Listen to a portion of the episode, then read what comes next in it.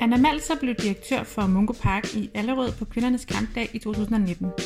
I dette interview fortæller hun om teatret, som hun overtog, hvordan hun fik mod til at gå nye veje, og de udfordringer, som teatret står overfor i en moderne verden.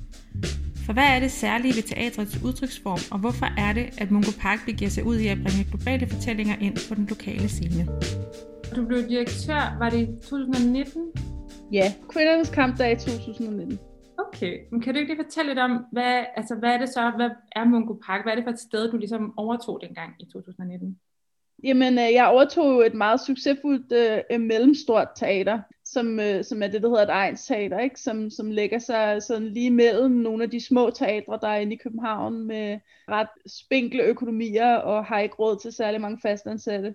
Øhm, og så er der de store landsdelsscener, som, som også har spinkle økonomier, men vel Gud har bedre øhm, ressourcer til at lave teater, og har rigtig mange fastansatte medarbejdere. Det er blandt det, der hedder ensembler. Der ligger vi os lige mellem. Vi har et ensemble, men det er jo ikke sådan 20 mand stort. Det, det er syv mennesker, og, og faktisk under mig har der været seks mennesker, fordi vi har været nødt til at spare på grund af corona og for andre forskellige ting. Så vi har et, et lille ensemble, men dog et ensemble. Og så, øh, så har det jo været, så før jeg kom til et sted, som har haft en rigtig rig tradition for at, at lave sådan en blanding af folkeligt og grænsesøgende teater.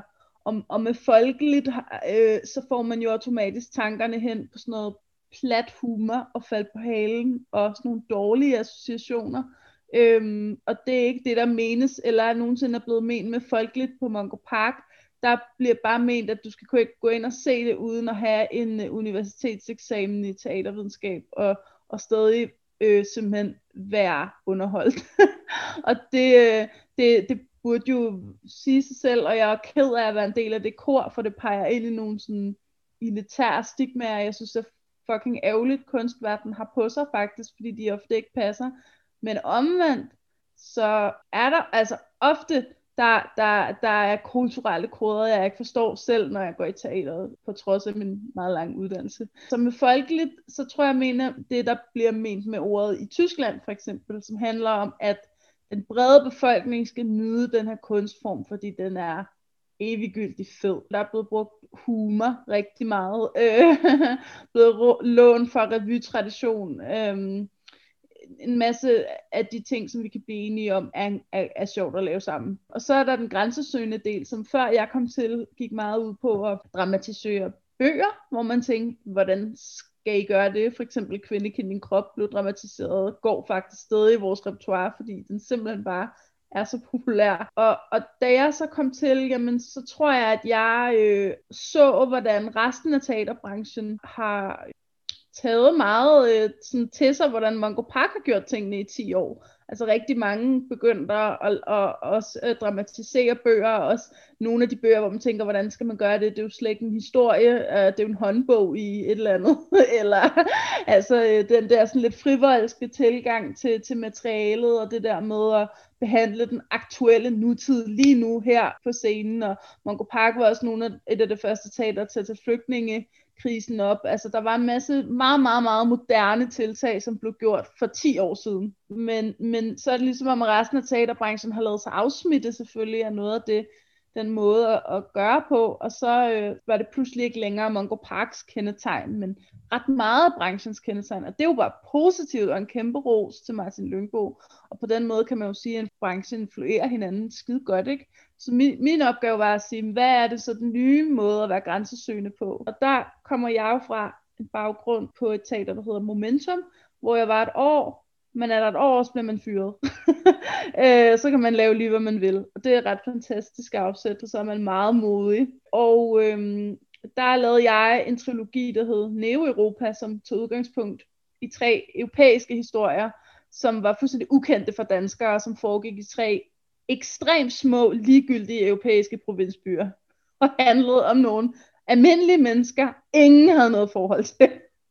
Så jeg, jeg, øh, jeg forsøgte at lave noget teater, hvor alle sagde, hvad har det med mig at gøre? For at bevise, at det havde alt med dem at gøre, og at vi lever i et globalt Europa, og ekstremt livsforbundne, selvom vi måske ikke lige kan se det ved første øjekast. det gav mig jobbet på Mongo Park. Altså det var på baggrund af den sæson, fordi før det gik jeg på fjerde og nobody knew who I was. Så, så det var ligesom på baggrund af at ture og gå den nye vej og begive mig ud i at lave noget teater, som planlægningsmæssigt lå et, et modigt sted. Vi lavede sådan nogle eksperimenter, som var rimelig sådan far out i, hvad man kan tilbyde et publikum i et repertoire. Og det viste sig jo, der blev så udsolgt på Momentum, fordi det ikke lignede noget af alt det andet. Det, det var det, min bestyrelse tændte på, da de ansatte mig. Det var ligesom, at Mongo Park er jo kendt for at gå de her lidt urensagelige veje, eller gå på opdagelse, og far vil gerne, men også finde guld. Skiftevis må det bære eller briste. Ikke? Så, så det var jo ligesom på baggrund af det, jeg blev valgt. Så jeg vil sige, at det, det nye Mongo Park begiver sig ud i nogle sådan glo- globale eventyr. Vi prøver at fortælle fra nogle andre kanter end resten af dansk teater. Og når, når vi laver noget, så, så øhm, kan vi rigtig godt lide at næsten skræmme folk med, hvor lidt det kommer til at sælge. Fordi, fordi vi, vi, vi synes, det er enormt øh, vigtigt at være forud for tendenserne. Altså faktisk, det vi lavede vores, den første forestilling, vi lavede på Mongo, hed De Hovedløse, og var en research-baseret forestilling om de gule veste i Frankrig. Og da vi tog den beslutning, var bevægelsen stadig øh, ret lille, og der var mange, der, hvis de kendte til den, så den som sådan en random voldsbevægelse. Og så i takt med, at vi kom tættere på vores premiere, blev bevægelsen så større, og der kom mere fokus og så videre, men stadig, jeg kan huske, der var sådan et radiointerview, hvor der var en lytter, der ringede ind og sagde, hvor rager det mig, Randers?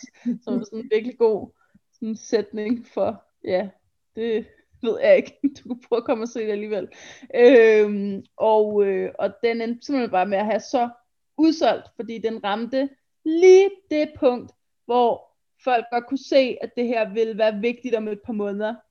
Og, og det, var, det, det er noget af det, jeg synes er rigtig vigtigt, som kunsten er blevet dårlig til, det er, at den lægger sig bagud for tendenserne hele tiden, for at sælge billetter og for at være med på beatet. Og det betyder bare, at den er hele tiden konstant lidt boomeragtig, øh, kunsten. Og det, det irriterer mig sådan virkelig, øh, fordi det er på markedspræmisser, og vi er det mest statsstøttede felt i Danmark, øh, så hvorfor skal vi være på markedspræmisser? Det hænger jo ikke sammen. Altså overhovedet. Så der er noget, der, der er fuldstændig off i min verden. Og jeg ved godt, at vi skal tjene penge. Tro mig, det ved jeg godt. og det er jeg underlagt, og det gør jeg også. Vi tjener penge. Vi tjener gode penge. Men, men jeg tror ikke, måden at få udsolgt på, er ikke øh, ved at prøve at få udsolgt. Vi arbejder ligesom der på indholdssiden. Og øh, i forhold til det folkelige, har jeg også øh, gjort nogle ting. Altså jeg, jeg har egentlig bare ansat et ensemble og prøver at ansætte nogle kunstnere, som jeg synes repræsenterer nogle forskellige stemmer, og som også bare repræsenterer noget af det, jeg selv kommer fra. Altså jeg er selv vokset op i sådan en kulturelt smeltedeal på, på Amager, ikke? hvor der var rigtig mange forskellige steder i verden, talt mange forskellige sprog, og havde mange forskellige religioner osv. Og det har været helt naturligt for mig bare at afspejle. Jeg synes, det har været underligt, når der kun har været hvide mennesker på scenen, for eksempel. Så det er ikke sådan et politisk korrekt projekt for mig, at der er ikke nogen, der har fået et job, mindre de er exceptionelt dygtige.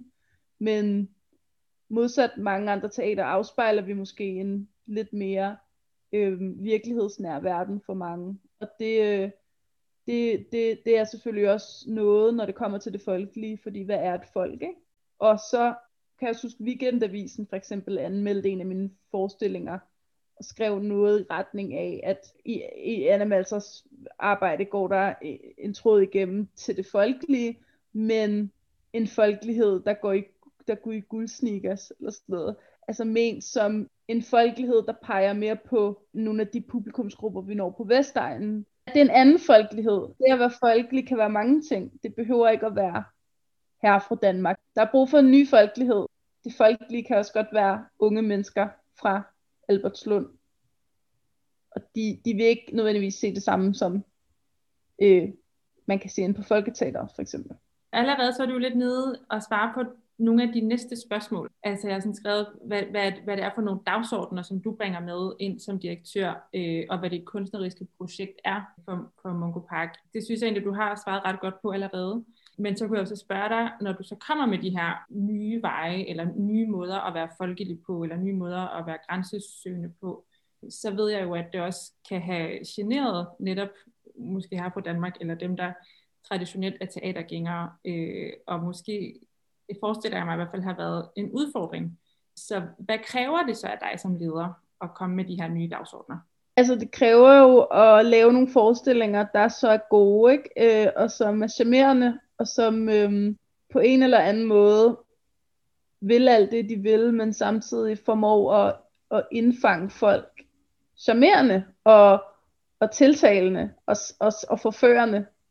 Det er jo noget med, at det, det politiske, eller det betændte, eller det svære sagtens skal gå, gå hånd i hånd med det forførende og humoristiske og, og øh, livgivende. Altså, det, det Mongo Park, Martin Lyngbo lavede, var utrolig livgivende og humoristisk. Og, og det, det har jeg virkelig forsøgt at videreføre.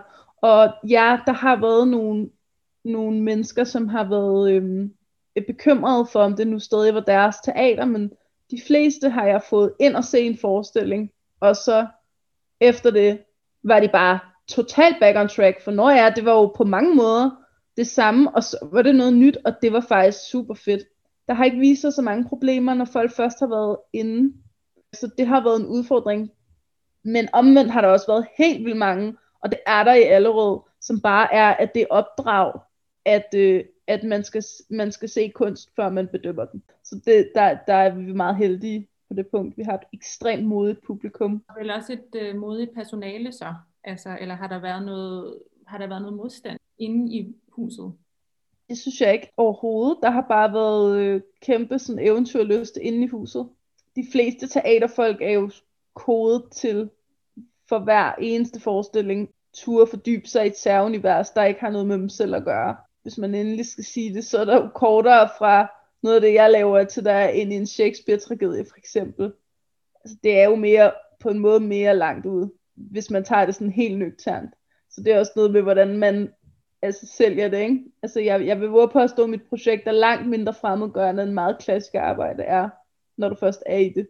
Jeg tror ikke, der er nogen teaterfolk, som ikke er interesseret i at lave alle mulige slags teater.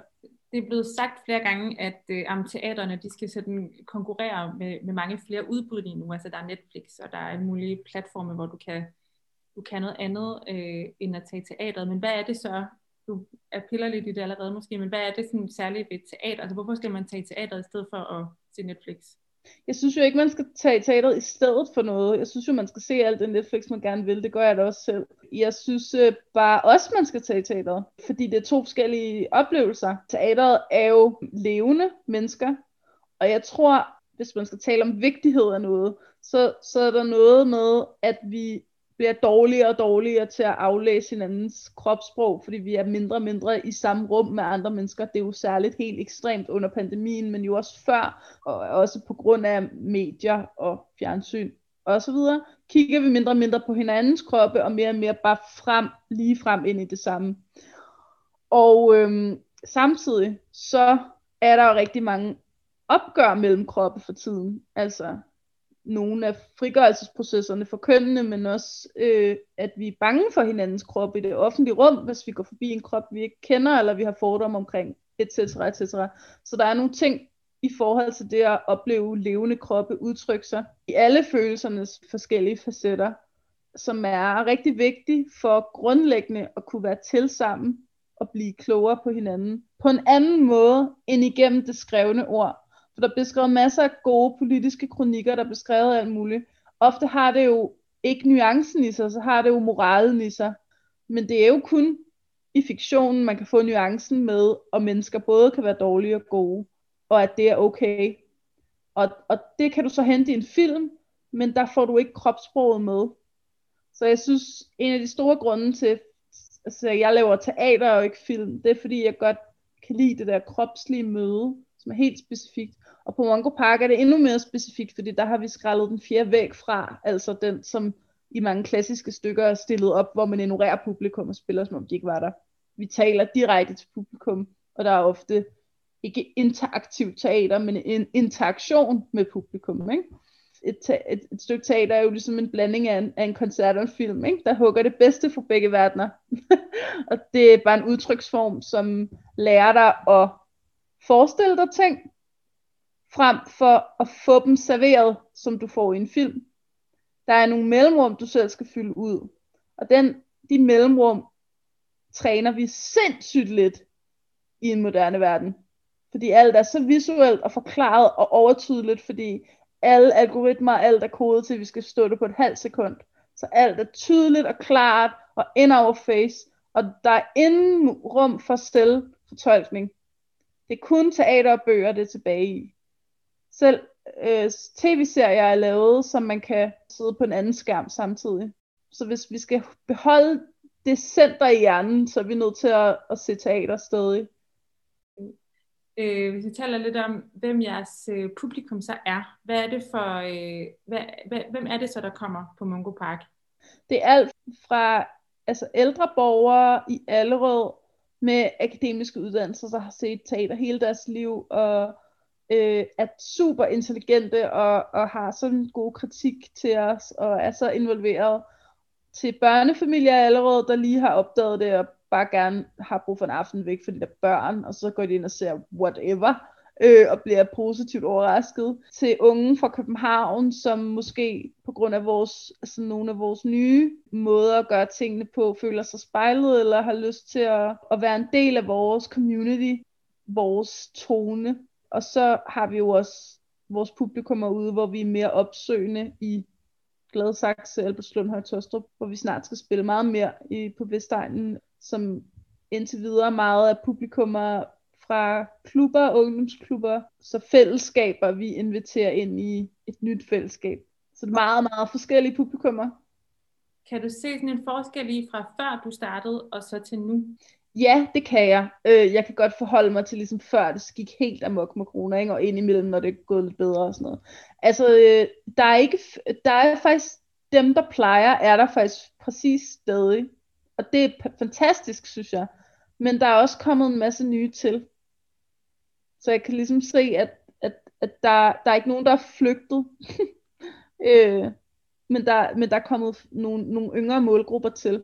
Øh, jeg vil bare tilføje til hele det her med de unge. Jeg synes, det er helt vildt vigtigt, at man ikke laver teater for at lave teater til de unge. Fordi det, det, det kan aldrig blive godt. Fordi det er ikke med, øhm, med kunsten i fokus. Det er med igen med salget i fokus. Så grunden til, at jeg gerne vil i kontakt med en yngre målgruppe, er fordi alle kunstnerne er unge, og ensemblet, undtagen Henrik Prip, er unge, og Henrik Prip er også meget ung indeni. Øhm, hvad hedder det? Øh, så det vil være mærkeligt for os ikke at kommunikere også med nogen på vores egen alder. Altså det vil bare være lidt underligt. Det er ligesom hvis du har en kvindeteatertrup, og der bare kun kommer mænd. Det er også mærkeligt jo. Altså, så, så det, er ikke, det er ikke noget med enten eller, eller en aldersfascisme, som desværre blev klippet lidt hårdt i det der DR-program, og, og skræmte nogen, nogen øh, kunder lidt væk med kæmpe rette, fordi jeg lød sgu lidt som en aldersfascist, og det er jeg ikke. Det er ikke det, men det er simpelthen bare, at, at jeg gerne vil også spille for nogle af dem, vi deler generation med. Det er ikke sådan større end det. Men hvorfor tror du, eller sådan, hvad kan du se, som gør, at ja, din generation, vores generation, måske ikke er lige så interesseret i at gå i teater, som man kunne ønske sig? Der skal åbnes nogle døre ind til kunstarten, og de første omgange, du så ser teater, hvis det så kedeligt, og lukket om sig selv, og pakket med kulturelle koder, du ikke forstår, så tror jeg bare ikke, du gider komme igen. Og det, det, er bare, det er jo fair nok. Det er jo ligesom, jeg ikke har tænkt mig at komme igen til curling. Men var jeg nu vokset op i en eller anden sneby, hvor jeg forstod kulturen og fællesskabet og historien bag det, så kunne det være, at det, var det kunne være blevet det vigtigste for mig. Og, og der tænker jeg, at teateren har en opgave på sig, fordi teater er rigtig gode til at fortælle om teaterhistorien, altså hvordan var det for 2000 år siden, og der blev også lavet dukkehjem, som var feministisk dengang. I know. Men hvad er værdien i dag? Hvad, hvad er det for nogle kulturelle, øh, historiske ting, som ikke handler om, at der blev skrevet noget godt for 200 år siden, men som handler om, hvad det kan i dag, nu. Det mangler vi. Fodbolden for eksempel sælger jo ikke sig selv på den måde. Det er jo, hvad den kan nu for fællesskaber og unge med drømme og øh, lærers arbejde sammen i hold. Det er jo ikke, at den blev opfundet for 200.000 år siden ude på en mark. Altså, så, så der er noget der, hvor vi skal, hvor vi er nødt til at fortælle historien fra et andet perspektiv om mediet, tror jeg. Hvad, altså, hvad er det så, du mener, man kan gøre for at vække den her interesse hos folk? Altså, hvad er det, hvad er det til allerede kan i dag, som det så ikke gjorde før? Jamen, jamen det, gjorde, det gjorde det jo før, men vi skal blive bedre til at gøre det. Altså, hvis, vi, hvis, hvis man er optaget af, at Ibsen skrev en feministisk forestilling dengang, der satte hele verden over styr på, hvad kvinder kunne tillade sig, så er det ikke nok at sætte den op igen og sige, se, det gjorde han for 200 år siden. Det er fint nok, og det, der er mange, der godt kan lide at se det, men, men for den brede befolkning, der tror jeg ikke, der er du nødt til at gøre det samme, som han gjorde, på en ny måde. Så skal du nok ryste verden. Og der er du, som I siger, i, i konkurrence med en masse andre medier, som teateret ikke var dengang. Og der er det som, man skal være meget øh, tro mod teaterets form, og få folk til at forstå, at den er sindssygt sjov at være i som publikum. Og det tror jeg meget blåret ikke kræver mere end en enkelt god gang. Formen skal nok forføre dig, hvis du lige rammer rigtigt, når du ser den, den, den gode forestilling. For formen er fantastisk. Og det indrømmer folk også, når de har set en forestilling, der var god. Der spiller på teaterets præmisser. Ikke? Øh, og det fører mig tilbage til, at vi skal udvikle nogle dramatikere, der kan skrive på teaterets præmisser, og, og, og det er derfor, vi kun laver nyskrevet forestillinger, ikke arbejder med, med bøger og, og, og andre tekster. Det er fordi, at teateret er allerfedest, når det er skrevet på dets egne præmisser, øh, hvor man bruger mediet. Ikke? For folk skal forelske sig i mediet, vi skal, vi skal stå, stå på mål for mediet, vi skal ikke prøve at lave alle mulige digitale løsninger og film og, og altså filmprojektioner oveni og vi skal ikke prøve at ligne alt det andet. Hvordan er det, I arbejder med publikumsudvikling?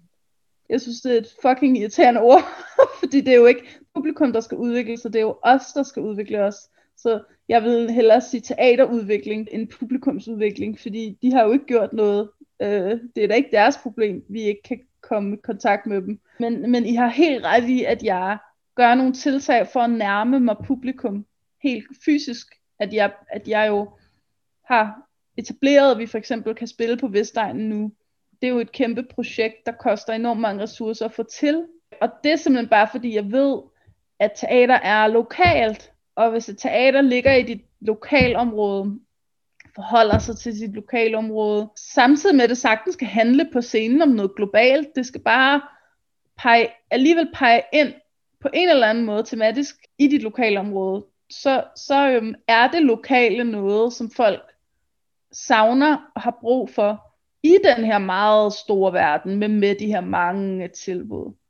Lige så meget som jeg brænder for den fysiske forankring på scenen, brænder jeg også for institutionens fysiske forandring i lokalmiljøerne. Ikke? Så, så det er jo en publikumsudvikling at rykke os tættere på publikum fysisk. Det er den ene side af det. Den, den anden side er selvfølgelig, at publikum jo lever i nogle verdener og nogle fællesskaber med nogle traumer, de deler eller ikke deler, og noget, de kan spejle sig i og ikke kan spejle sig i. Og derfor synes jeg, det er vigtigt, at man udvikler og fremelsker og støtter forskellige artede stemmer, som kan blive til nogle højdepunkter for forskellige artede grupper. Men hvem der forelsker sig i hvad, og hvordan det hele ender, det kan man ikke sidde og planlægge. Man bliver nødt til at se publikum som nogen, der kan forandre sig og som kan lide, måske kunne lide noget, kan lide noget, de ikke havde regnet med, de ville kunne lide. Og det er jo meget svært, når alting er så, når, når det er så selvsorienteret. Det er det, det, der er problemet, ikke? men, men, men det må ikke gå lige op, det er også det. Altså det må ikke um, form, indhold, publikum, location, skal ikke gå lige op i pæne enheder så man siger, åh, det var da lige fod i hovedet, så det hele passede sammen. Så det er tit pissekedeligt. der skal være noget, hvor man tænker, mm, seriøst? altså, vi er nødt til at kunne kaste rundt med det og lave nogle fejl, og så opdage noget, fordi det ligger, den, det kan ikke planlægges. Så der er noget med, med det der med, med frigørelsen fra det planlagte marked, som jeg sådan, synes er, er totalt vigtigt ikke? og svært når du ser på, hvordan verden den ser ud i dag, både med alle de ting, du nævner med øh, digitale medier og alle mulige andre tilbud, men så sandelig også corona, altså sådan, hvad, øh, hvad ser du som udfordring for at lave, blive ved med at lave banebrydende og folkelige teater for nye brugergrupper? der bliver produceret for meget teater for for lidt penge. Det er udfordringen. Og det er jo ikke mig, der har besluttet det, eller, eller en branchen. Men der, det går for hurtigt, og særligt nu opdager vi jo, hvor bare det en melder sig syg, mister vi bare en kæmpe del af prøveforløbet. Hvis det sker tre gange, hjem, så har vi kun et halvt et tilbage.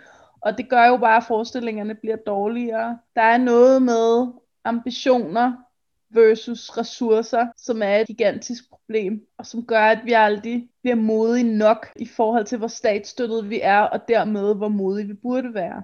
Det er meget bekymrende, synes jeg. Både for branchen i forhold til publikumsudvikling, men også for branchen i forhold til, at vi ikke alle sammen går på invalidpension, når vi er 50, fordi vi har smadret vores kroppe fuldstændig. Ikke? Så er der heller ikke noget teater. øhm, er der noget, du gerne vil tilføje her til sidst? Ja, øh, jeg tror, jeg vil tilføje igen til det der med, med hvem, publikum og hvad man kan planlægge og sådan noget. Jeg prøver at, at fremelske instruktør eller dramatiker stemmen lidt, lidt ligesom i, på film altså, og bøger. At øhm, publikum, de, øh, de lærer nogle mennesker at kende, som laver nogle værker, og laver ret mange af de værker og nogle af dem blev gode, nogle blev mindre gode, nogle var der en scene, der var fucking god, resten var noget lort. Øh, det førte så videre til næste værk, som blev fantastisk i hele sin helhed. Jeg, jeg vil gerne fremelske de her øh, tydelige teaterpersonligheder. Det tager lang tid. Det gør man ikke bare på tre år. Men, men, men de her unge stemmer, som står med et projekt, de undersøger, det synes jeg er, er vanvittigt vigtigt, fordi så kan man få publikum ind og se ting igen og igen, så knytter de sig til stemmen frem for den enkelte forestilling. Så jeg vil gerne, øh, jeg vil gerne give unge kunstnere mulighed for at komme væk fra det fortolkende, hvor de får noget materiale i hånden, de skal fortolke, til, til at spørge, hvad vil I gerne fortælle, og så øh, igen og igen arbejde med det samme i mange forestillinger. Fordi så tror jeg, at der er også noget der at hente i forhold til publikum. Hvis de knytter sig til en, en stemme, jamen så vil de gerne komme igen. Og også bare det at gå ind og se noget, hvor du på papiret i, i beskrivelsen tænker, det er da underligt det her, hvorfor skal jeg det? Men hvis du ved, når det er Tarantinos store film, så går du bare ind og ser den. Så det hele ikke kommer ned til de der fem linjer, der skal fange dig. Så har man både det forudsigelige noget at vende tilbage til, men man har også det uforudsigelige, ikke? Og det, øh, det gad jeg virkelig godt teater kunne, kunne fremelske i Danmark. Tak fordi du lyttede med på denne udgave af Mød Direktøren. Interviewet er en del af Connecting Audiences, som er et gratis magasin om publikumsudvikling og kulturformidling, som du kan finde på vores hjemmeside www.cqi.dk. Her kan du også møde mange flere direktører. Denne podcast var sat sammen af Denise Galonska og Astrid Aspirin.